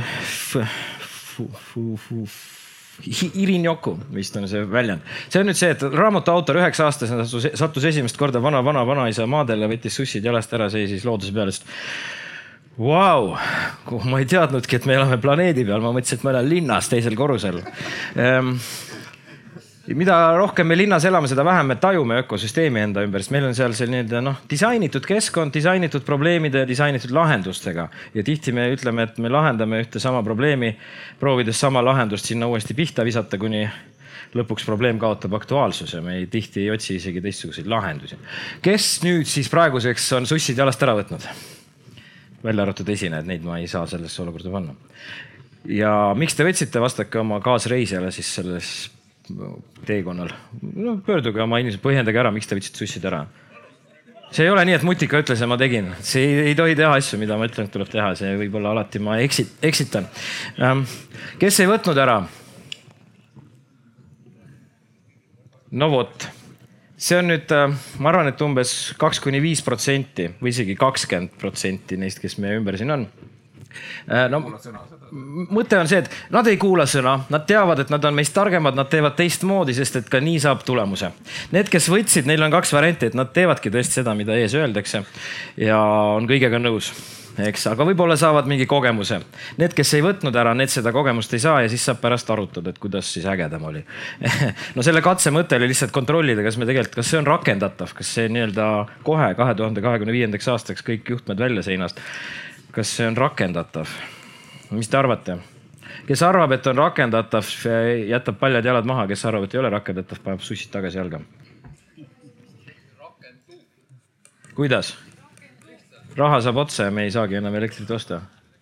trükivad juurde, lubati ei tahaks enam susse panna, onju. nii kui ära võtad, nii on väga mõnus. siin kasvuhoones muidugi on päris kuum see põrand, et noh, seisan kivi peal, see on jahedam. no vot, et meil tegelikult on nagu sotsiaalselt aktsepteeritavaks muutub see siis, kui kõik teevad ja ka mõnede jaoks on see ka siis nõme. ja ma ei mõtle nüüd, et need, kes nii ei tee, on ise nõmedad, nende arust on nõme, nad ise võib olla väga toredad, aga arvamusel jäävad nad eriarvamusele alati. et äh, kuidas me siis kahe tuhande kahekümne viiendaks aastaks äh, tõmbame pooled juhtmed välja, on seda kokku arvutatud, palju me nüüd järsku peaks vähendama? No Fridays for Future, seal peaks teil ju kõik numbrid võtta olema. kahe tuhande üheksateistkümnendal aastal need numbrid olid seitse koma kuus protsenti. ja tuli koroonal laksust energiatarbimine kukkus, linnad, linnud avastasid, et linnas saab elada, otsid ei sõida. kusjuures koroona. korraks koroona nagu tuli aastal, ja siis pärast tulistas üles, eks. koroona aastal noh, kõige selle lockdown'iga, mis üle maailma oli, see vähenemine oli kuskil minu meelest viis või seitse protsenti ja järgmisel aastal noh pihu läks jälle see graafik edasi peaaegu püstloodis ülespoole. et põhimõtteliselt noh, ma ei ütle, et elukorraldus peab olema nagu koroona lockdown'i ajal, seda ma ei ütle kindlasti, aga mm. see vähenemine peab olema noh. sarnane, sarnane., sarnane tegelikult isegi rohkem, sest et noh, aastal kaks tuhat üheksateist oli see seitse koma kuus protsenti. nüüd me oleme veel kolm aastat edasi tossutanud mm., mis tähendab, et nüüd tuleb mis, veel kiiremini. hirmuta meid, mis saab siis, kui me ei tee seda midagi, mida on vaja oleks õige teha ja kaks tuhat kakskümmend viis läheb asi veel rohkem, hoogleb veel edasi. Läheb nii hulluks nagu siin kasvuhoones praegu või? no esiteks on see, et noh, et jõuab kätte aasta kaks tuhat kakskümmend viis, kui me ei ole jõudnud siis oma heidet vähendama hakata, siis ka see, kui me saame kahe tuhande kahekümne viienda aasta poole pealt või kolmandas kvartalis või kahe tuhande kahekümne kuuenda aasta alguses, ühesõnaga nii vara kui võimalik, siis me ikka hoiame asju veel hullemaks minemas, sellepärast et neli kraadi soojenemist on küll väga halb, aga mõnevõrra vähem halb kui viis kraadi soojenemist ja viis kraadi soojenemist on väga halb, aga natuke vähem halb kui kuus kraadi soojenemist ehk et see ei ole nagu rong, mis sõidab ära ja järgmist ei tule.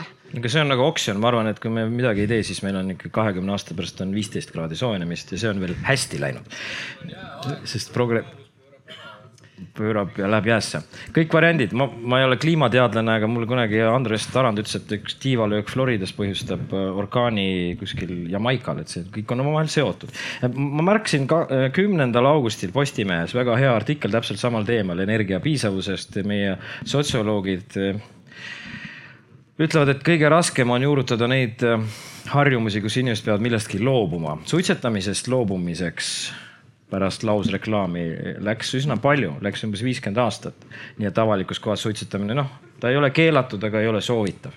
Äh, lõppes sellega, et kaks tuhat üks või kaks tuhat oli mul tööl kontoris kirjas, et kontoris ei tohi, minge suitsunurka. kaks tuhat viis kadus suitsunurk kontorist ära ja koliti õue suitsetajad. praegu bussipeatuses ei tohi, kõrval võib, et noh aega läheb loobumiste juurutamisega. prügi sorteerimisest äh, loobuda lihtne, aga alustada raske. Prügi tekitamisest loobuda võimatu meie ühiskonnakorralduse juures. Ähm, kuidas loobumisharjumusi tekitada, kas paneme mingi arengukavadesse sisse? ei pane ju, siis ei ole võimalik. riik lubas meile SKT kasvu. kui paljust me oleme valmis loobuma, et SKT ei kasvaks nii kiiresti? Ma olen see küsimuste masin, ma võingi lasta nüüd. aga küsiks... igavikulised kõik. absoluutselt, mul on siin tegelikult põllumees on ka laual no,. põll, põllumehe oskus on tuunida ökosüsteemi nii, et mõni liik pääseb eelisesse ja hakkab andma saaki. on, on nii, eks no,? et aga nüüd, kui, kui sa annaks ideaalsed tingimused, siis mis saaks, kas, kas, kas teised liigid samas põllulapis lihtsalt kaoks või? mis seal juhtuks? ikka juhtub jah, et, et ega see dominantne kui me ise soodustame seda, siis ta kindlasti äh, läheb tema populatsioon alati väiksemaks, ükskõik, mis me teeme. aga see CO2 või üldse selle teemadel nagu rääkimine, et, et kakskümmend viis vähendada või. et, et ütleme ausalt, me oleme päris tõsiselt oma firmas selle peale mõelnud ja oleme kaardistanud oma noh, see energiat võib-olla ka teisendada ka nii-öelda CO2 heitme peale või niimoodi ära.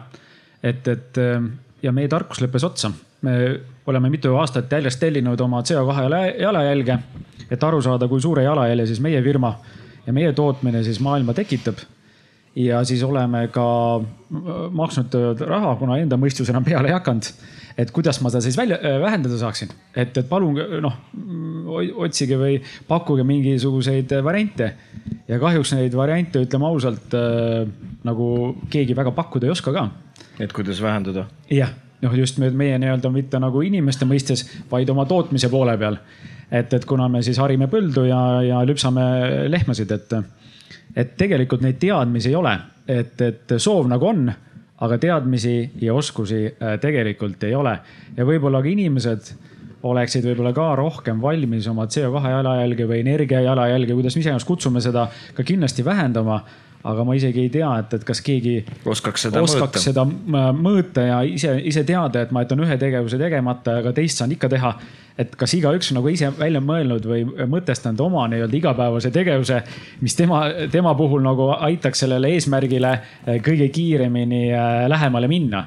Et ma arvan, et see mõtestamine olekski nagu see esimene käik, et, et, et siis saaksime selle lähemale minna, et praegu meil on eesmärgid hästi suured ja iseenesest hästi äge aga minu arust ei ole tegelikult seda, et, et äh, kuidas me sinna jõuame ja mida me siis nagu tegema peame, et, et minu arust sellest mõtestamisest on nagu väga suur puudus täna. ehk siis me ei saa aru, miks me peame vähendama?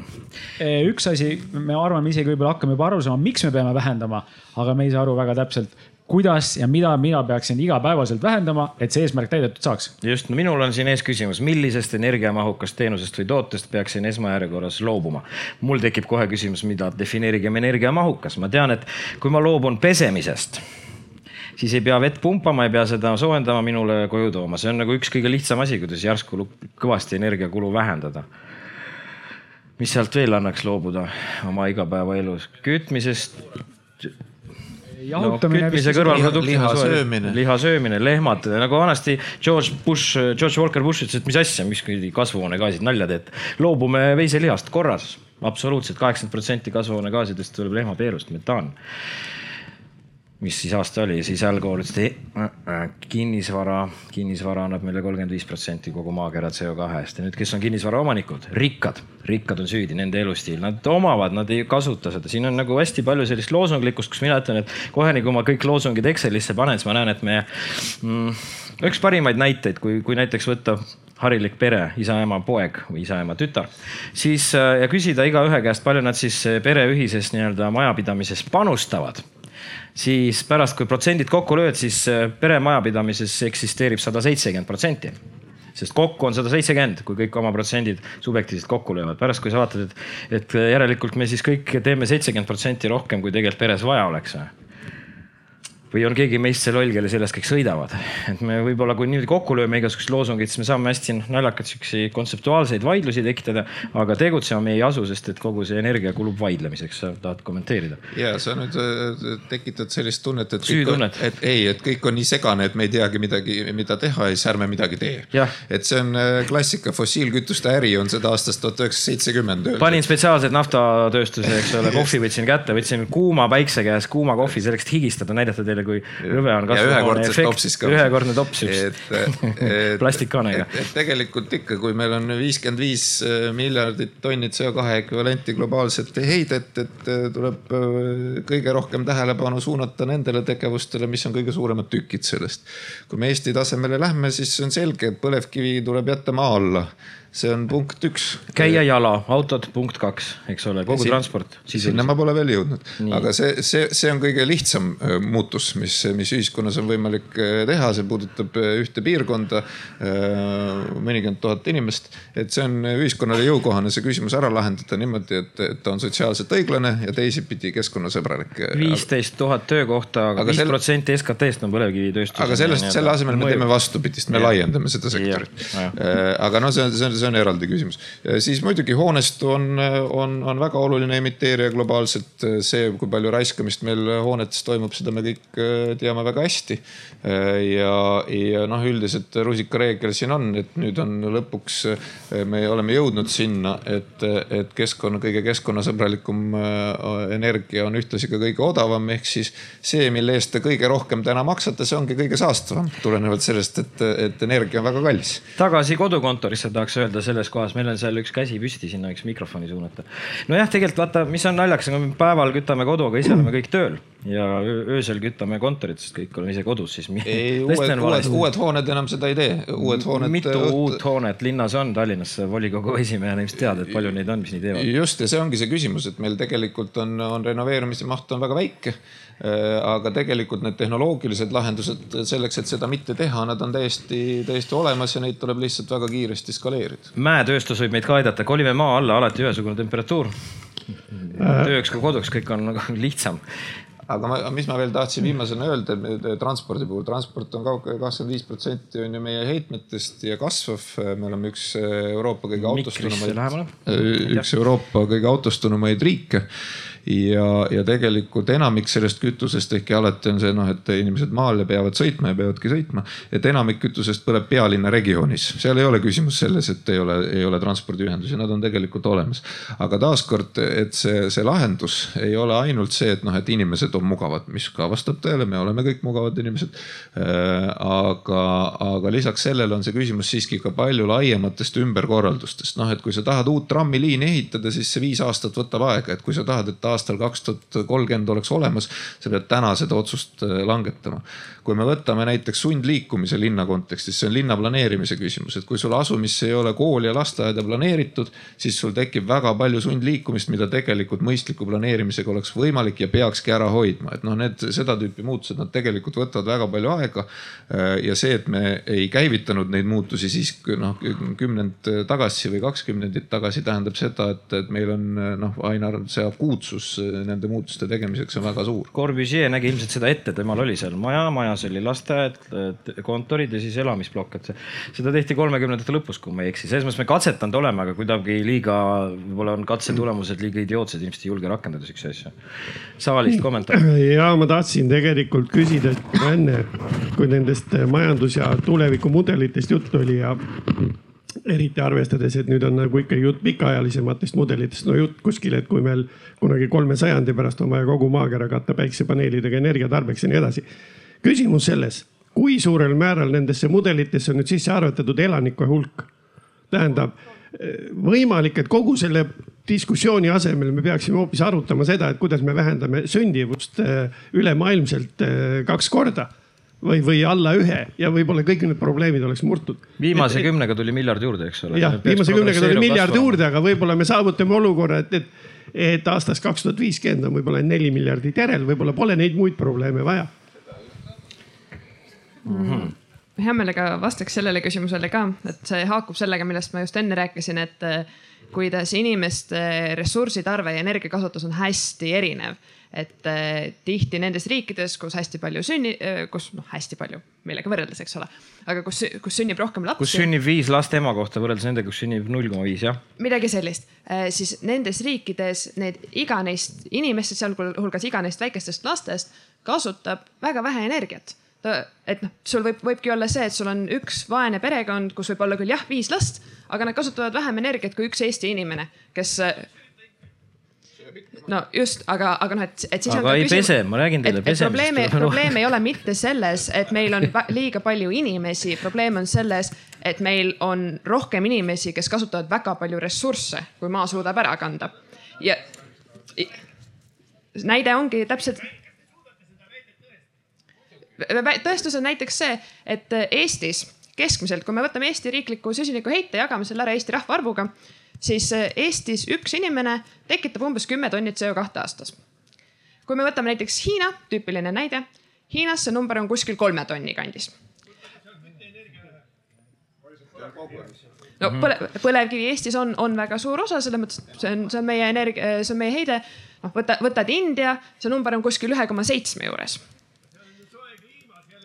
sa pead, seal surevad inimesed kuumalainega. kui seal oleks elektrit, nad kütaks äh, konditsioneeriga. et, et ühesõnaga probleem ei ole mitte lihtsalt selles, et meil on maakera peal palju inimesi, vaid probleem on selles, et meil on suhteliselt väike hulk inimesi, kes kasutab meeletult palju ressursse ja enamik, kes me siin oleme, kuulume selle väikse hulka. järelikult enamik inimesi elab vales kohas. aga ma siiski tahaksin vaielda ka sellega natukene no,, see on äh, see, et minu arust mõlemaga tuleb tegeleda.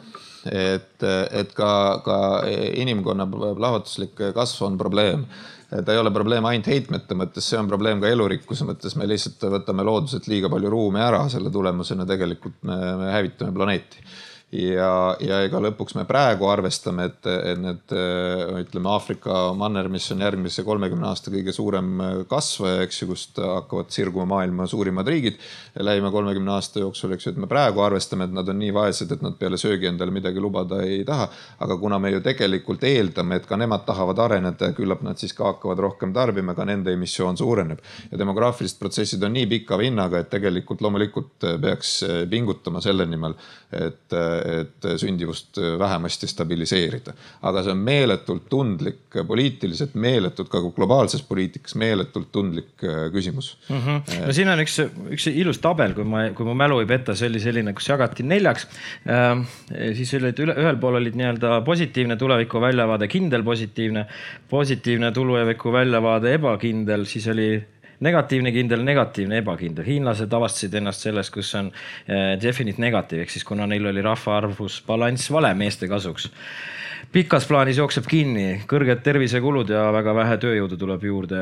USA oli vastas, USA-s oli definite positive, kuna neil on tänu sellele, et nad on ülejäänud maailma suhtes sihuke nagu talendi katel ja ligitõmbemagnet, siis kogu, kogu aeg maailma parimad jooksevad sinna kokku, sest tajuvad seda definite positive'ina. Euroopa oli indefinite positive, me ei saa täpselt aru, aga tulevik tuleks parem ja osa sellisest maailmast oli ka seal indefinite negatiivis, et aga... tajuvad, et läheb hullemaks, aga nad ei saagi aru, kui hullusti, see vist oli Aafrika. lihtsalt väike märkus, mis seob selle jutuga, mis sina ütlesid. et sedasama, et meil ei ole tegelikult rahumeelset, teie vist mainisite möödaminnes, et, et ei ole tegelikult näiteid rahumeelsest kestlikust kahanemisest. et sõjaga on seda juhtunud maailmas, aga seda, et riik võtab endale ülesandeks või, või eesmärgiks, ütleb, et jah, et me, me tahamegi siin on ju mingi kakskümmend, kolmkümmend protsenti, et inimesi võikski vähem olla, et, et ega riik selle pärast siis halvem riik ei ole, kelle, kellelegi liiga ei tehta, et lihtsalt võtame selle hoiaku. Et, et sellist plaani ei ole, üks põhjus on tegelikult ka selles samas majanduskasvu arvutuses. et kui sa võtad siis need majanduskasvu sisendid, sa võtad tootliku tööjõu osakaalu, vaatad oma demograafilist mudelit, vaatad, et sind ootab ees majanduslangus, sind ootab ees majanduslangus ja kuna noh, kuidas riik võtab endale plaani, et hakkame langema, et seda ju ei saa keegi endale võtta plaani.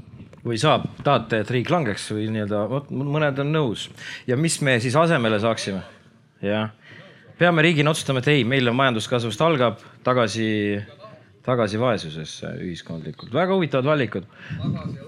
aga nüüd see hääletus, kui me nüüd ütleks, et jah, me teeme oma parima ja tahaks, et läheks veel paremaks, et ikkagi majanduskasv jätkuks. sa oota, väga hea, see tähendab, et küpseb konkreetne kommentaar, no palun. ja Siim Kures olen mina, et äh, ma tahtsin, siin on nagu kaks väga huvitavat küsimust olnud ekraanil, üks on see, et kuidas äh, siis reguleerida seda, et mis on otstarbekas ja mis ei ole ja teine, et millest me peame loobuma ja neid küsimusi on hästi mitmetasandilisi ja mitmest valdkonnast ja kuidagi jääb mulje, et see on üle jõu käiv.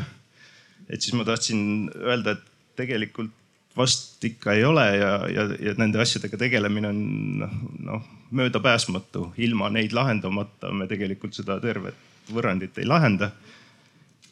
ja mis ma ette panen, on see, et, et kuna me ühiskonnana noh, nii ehk naa varsti sellega silmitsi oleme, me peame arutama ka energiasäästu ja, ja otstarbekust, et siis äh, hakkame pihta kõige lihtsamatest asjadest, mis on ilmselged ja, ja nende lahendamine võib-olla annab meile need ka need meetodid, kuidas me neid keerulisemaid pärast peaksime hakkama lahendama. ja mõned võib-olla siuksed näited ka, et me hästi palju täna siin räägime ka sellest igapäeva tarbimise ja mõjudest ja ma arvan ka, et seal tegelikult see fookus nii palju ei peaks olema seal, aga samal ajal ta mingit pidi on oluline ja nende väga kõrgete energiahindadega tegelikult juba inimesed on ju midagi teinud ka, et kes.... harjunud. noh ütleme niimoodi, et võib-olla see, et me peaks äratuskella panema selleks, et pesumasinat käima panna, ei ole päris see tulevik, mida me tahame, see ei tee meie elu paremaks. aga kõikide nende ikkagi väikeste harjumuste peale me oleme olnud sunnitud mõtlema ja, ja võib-olla mingit pidi on sellest ka kasu olnud. aga siit edasi mulle on väga sümpaatne olnud kuulda seda, et näiteks Pariisi linna see kliimakava näeb ette, et äh, välialadel, kohvikute terrassidel ei tohi enam kasutada seda välisoojendust, sest see ei ole otstarbekas, see ei ole meie heaolule vajalik. ja, ja jällegi mingi selline otsus nagu või noh, mõnes mõttes on see nagu uus normaalsus, et mida on väga lihtne sildistada, et nüüd on mingi käsuühiskond, kus äh, keelatakse ja käsitakse, aga tegelikult äh, kui selle peale natuke mõelda, siis kui meil on ühel pool on elamisväärne planeet ja teisel pool on võimalus äh, soojas temperatuuris õues nautida oma heinet, siis mulle tundub, et see on nagu noh, selline ohverdus, mida ka ühiskondlikult on nõus vastu võetama hmm.. ja siis tööstuslikul tasandil on võib-olla kõige sihuke ilmselgem asi on näiteks Bitcoini kaevandamine, et et äh, Balti soojusenergia jaama küljes otse oli mingi Bitcoini kaevandus samal ajal, kui ta põletas äh, põlevkivi ja puidu segu. ja, ja ükskõik, kuidas me, kas me püüame selle CO2 kinni või mitte, me noh, tegelikult ühiskonnana peame mõtlema, kas see on meile otstarbekas, vajalik või me peaks seda kuidagi reguleerima ja sealt edasi saab neid küsimusi, et kas me maksustame kuidagi erinevalt erinevaid asju, kas me päris laus keelame midagi või mitte. aga igal juhul need on nagu ühiskonnas äh, vajalikud küsimused, mis nagu tahes-tahtmata tekivad. ja praegu ongi see aeg, kui need, see selline arutelu ja see diskursus peab äh, tulema sisse, et eile siin ma... naeruvääristati seda, aga ma arvan, et viie aasta pärast on see, kus me juba päris süvitsi tegeleme nende asjadega. ma väldin koosolekuid, mille tulemusena arutelus sünnib otsus teha uus koosolek ja minna probleemiga edasi. selles mõttes äh, tegutsema peab, ma pigem küsiks tegude kohta. Äh, vaidlus Bitcoin versus Buffett, eks ole. seal on äh, hästi tore, kuidas üks niisuguseid vanemaid investoreid ütleb, et huvitav, kui marslased vaataks inimeste elu maa peal ja vaataks, et huvitav värk näevad tõsist vaeva, kulutavad meeletut elektrit ja energiat, et kaevata maa seest mingi kamakas, mis on pisut kollane, siis kulutavad hulga elektrit ja soojusenergiat, et muuta see ühtlaseks kandiliseks kamakaks.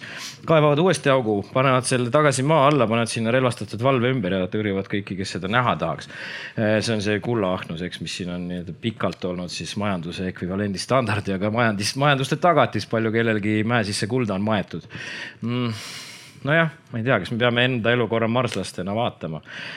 Eestil on kombeks ikka igas asjas olla maailmas esirinnas, see võib olla üks teemasid, kus me nelja aastaaja ja suhteliselt tasakaalus kliimaga suudaks nagu teist selle tehnikat näidata, kuidas asjad käivad, et kuidas, mis tegusid tuleb teha, et, et äh, tulemused saaksid äh, selliseks paremaks, et kaks tuhat kakskümmend viis meil siis langeb. Ähm, valimised olid kaheksa kuu pärast, on ju? noogutage, minu arust on on, väga hea. Ähm, kes teist, kes teist on juba hakanud vaikselt mööda parteide kodulehti käima, vaatame, mis siis programmilist ka tuleb üks, kaks, kolm, väga hea. Ähm, kes, kellele piisab nädal enne valimiskasti juurde minekut plakatist? ei julge tunnistada. no ja just see on see, et meil on üsna aus seltskond järelikult, kui keegi ei tunnista, aga sõbrad, kas, kas siis meie kui valijad peaksime nüüd ütlema, et nii, ma käin äh, Google'i otsinguga kõik, kõik äh, parteide platvormid läbi, pakkumised. otsin siis kas energia piisavust, energia kokkuhoidu, majanduskasvu vähendamist, rikkuse maksustamise, mis, mis märksõnu me peaks kirjutama kirjutama platvormidesse, et see töötaks, et tõesti parteid lubaks meile, et jah, me võtame seda asja tõsiselt ja hakkame midagi tegema sest meil valijatena siin demokraatlikus ühiskonnas me ju delegeerime neljaks aastaks kellegi kätte oma võimu. ise oma igapäevases elus võime teha asju, aga kokkuvõttes riigina ikkagi teeb seda keegi teine, kellele me oleme usaldanud noh, võimu teostamise. Purgal kommentaar, Jaanus et kas, kas, kas peaks panema siis, kas ma praegu, ma saan nii aru, et see publik siin kindlasti kõiki parteide programme lugedes hakkab otsima sealt energiapiisavus, energiasääst, et. ja ma kuulsin su küsimust jah ja.. no sina kirjutad riikliku energiakava kokku, et mis sina näed, kas see tuleks sinna programmidesse panna või peab see riiklikus mingis äh, suures energiaplaanis olema? ma kirjutan ühte visiooni ja aeg-ajalt täiustan, aga jah, energiamajandusega kakskümmend viis aastat äh, seotud olnud ja Ida-Virumaalt, nii et äh, see on natuke kontekst. aga siin oli siukseid globaalseid arutelusid ja sihukesi elustikulisi küsimusi, mida sina muidugi üles tõstsid, aga ma panen Eesti konteksti ja tõesti siis publiku poole, et mida võiks valimusplatvormidest otsida. ja ühtepidi, mida nad lubavad ja teistpidi mina pigem otsiks seda, mida nad ei tohiks lubada aga siin ma lähen võib-olla paljudega konflikti, aga see on üks soovitus ja see on tegelikult Eestile ja pikas perspektiivis ka maailmale kasulik. ei tohi maksta tarbimisest peale ja praegu kõik erakonnad peaaegu proovivad eh, üksteist üle trumbata sellega, et maksta tarbimise eest peale. kuigi on ka mõni erakond, ma nimesid ei nimeta, kes ütlevad, et ehk on see vale ja ehk on see ainult ajutine. Eh, ja ma toon paar hästi konkreetset näidet kui Siim ütles seda, et kõrged energiahinnad on pannud eestlasi meil siin kõike, kaasa arvatud mind, siis mõtlema selle üle, et vähem tarbida, siis vastus on kahjuks vale sellepärast et kaks tuhat kakskümmend kaks ehk siis selle aasta esimese poolaasta elektrienergia tarbimine, ma need andmed just sain, eh, on täpselt sama suur kui kaks tuhat kakskümmend üks nii et see, et energia maksis meil mitu korda rohkem, elektrienergia ja, ja mõelge nüüd hästi järgi. Ajakirjanikud eriti ütlevad, et selle energia hinna juures kõik jäävad kohe hätta, surevad ära ja, ja on suur häda, kui riik ei jookse neile appi. Ja lõpptulemus on see, et me jookseme käsi pikalt riigi juurde, ütleme, et makske meile peale selle eest, et me saaksime sama tarbimist jätkata. ja see on kõige debiilsem asi, mis üldse olla saab. Et äh, tegelikult äh, öeldi meile ette, et ühest hooajast päästetakse meid välja, aga teisel hooajal mõelge ise ja tehke midagi ära. aga vastus on see, et niipea kui meile makstakse peale, me ei tee mitte midagi ja see on teatud mõttes inimlik, ma saan sellest aru.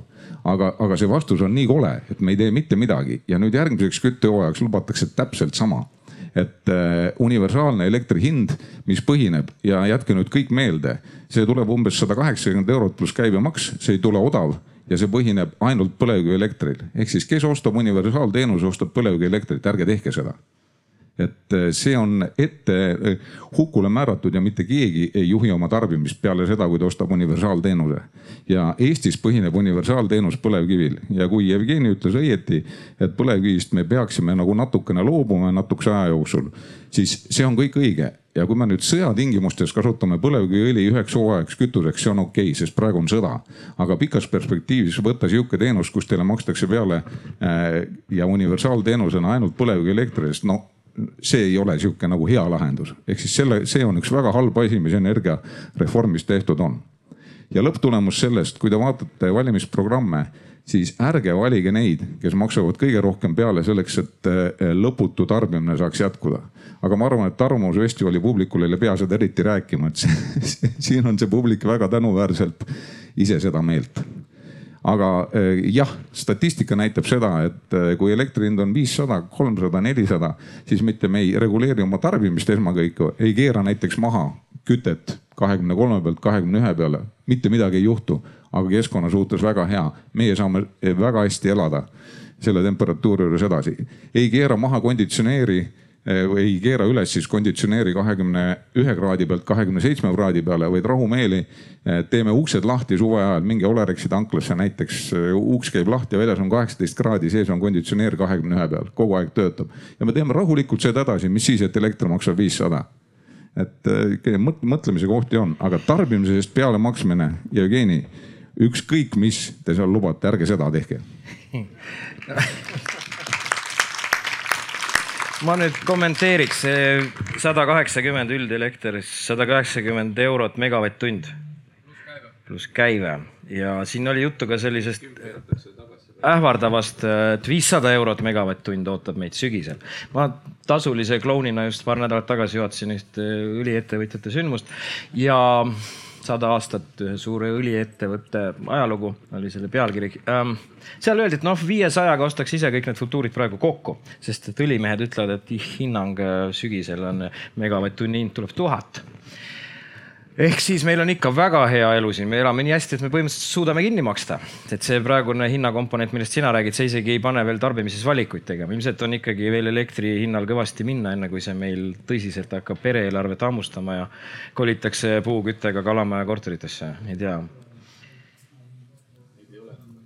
Neid ei ole, nad on ära, nad on jah elektrifitseeritud just.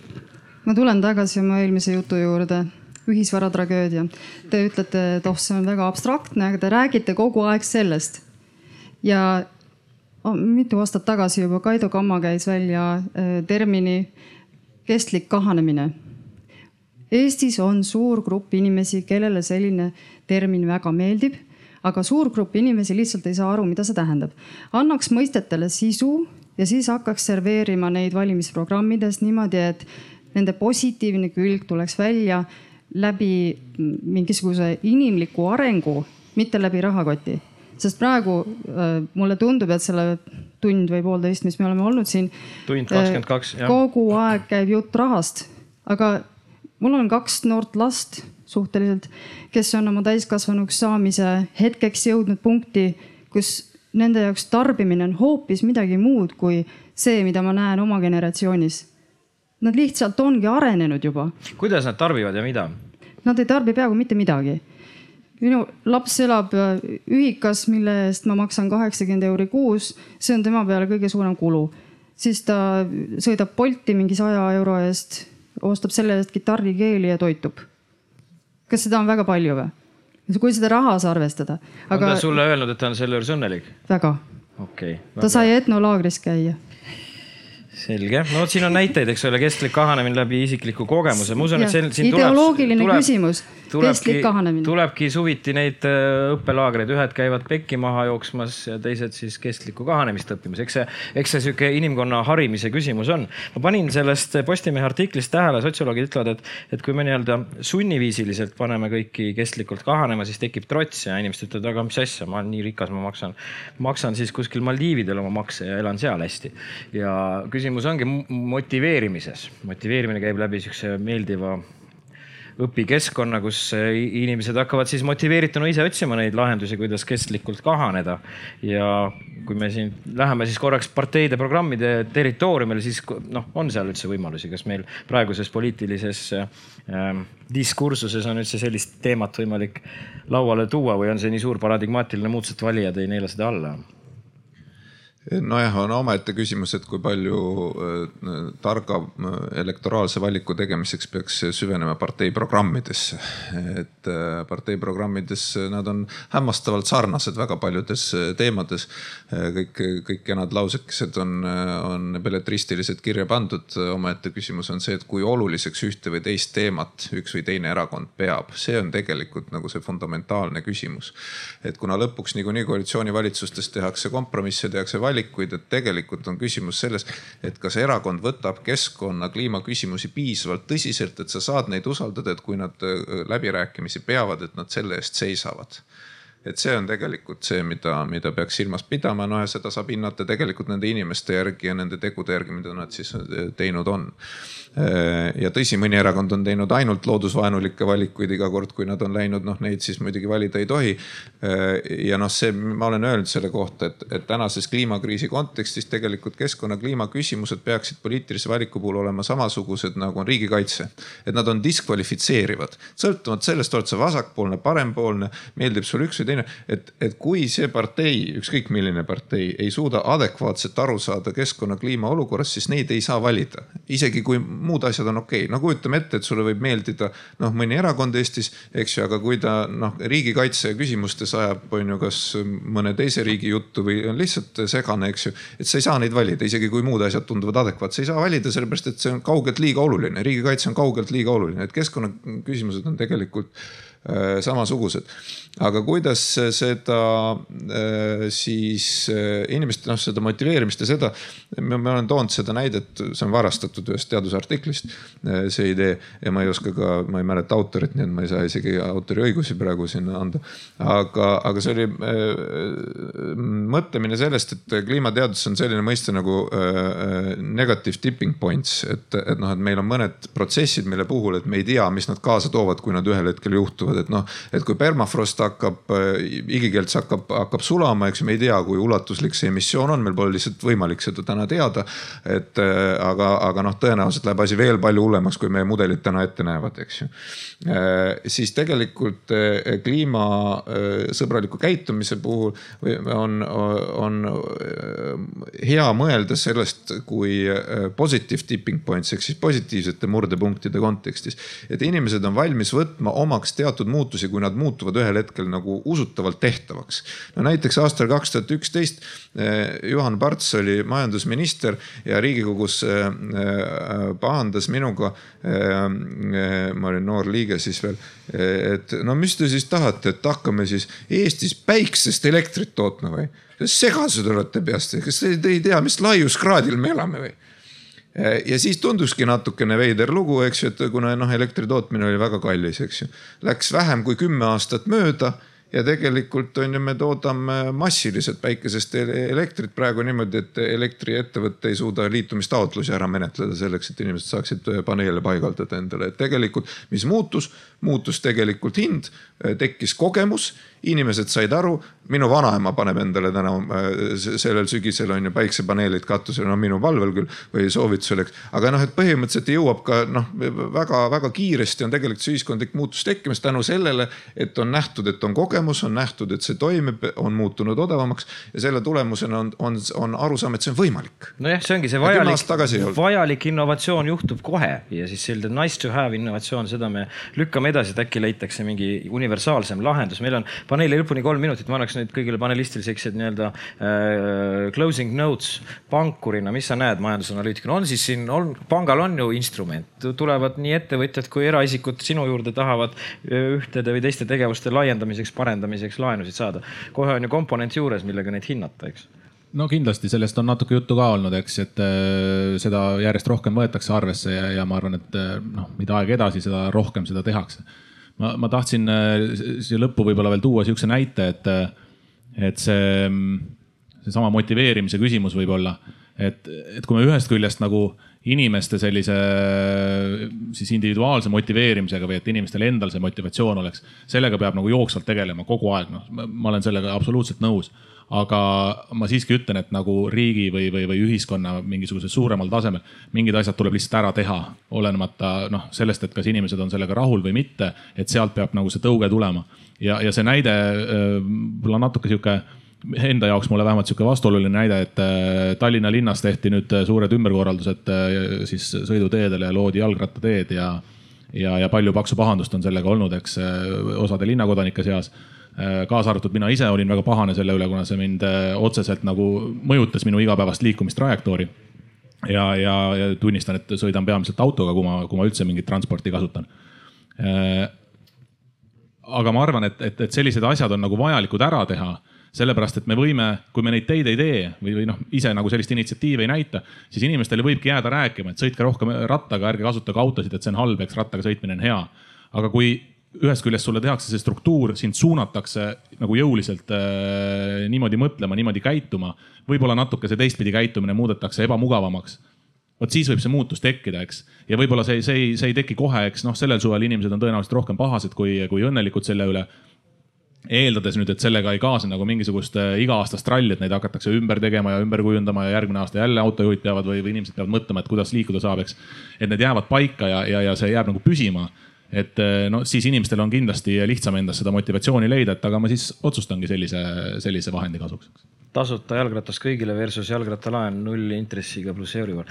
nii, pankurina ma prooviks ikka nagu rahaturus nagu liikumist tekitada, et pigem see teine ja ma arvan, et tegelikult on juba ju ka Euroopa Liidu tasandil e-, erinevaid eesmärke e-, maha öeldud, on ju. ja käiakse ka nagu vähemalt igale poole sektoritesse on ka nii-öelda see vähenemise protsent ja erinevad nii-öelda ootused ja lootused ja võib-olla ka sanktsioonid võib-olla kuskil juba välja mõeldud, et. et iseenesest ma arvan, et me liigume õiges suunas, küsimus on, kui pikkade hüpetega me peame liikuma. et mingi majandusharu või mingi muu asi nagu ennast kinni panev ära ei lõpetaks tänu nendele suurele eesmärkidele. et minu arust on see, et eesmärgid on head. lihtsalt peame ka lahendusi leidma, et kui lahendus on olemas, siis äh, igal juhul tuleb seda teha ja seda liikuda. Ja minu arust on juba eesmärgid päris suured ja päris siuksed ambitsioonikad juba ees olemas. aitäh. Fridays for future läheb siis äh, reeded tööst vabaks, et energiat vähem kulutada kusjuures nelja nädala, neljapäevased töönädalad keskkonna säästmise eesmärgil on piloteeritud ja. efektiivne on neljatunnine töönädal, sellest on üks raamat ah,. aga see ja. ei olnud üldse see, millega ma tegelikult tahaksin lõpetada.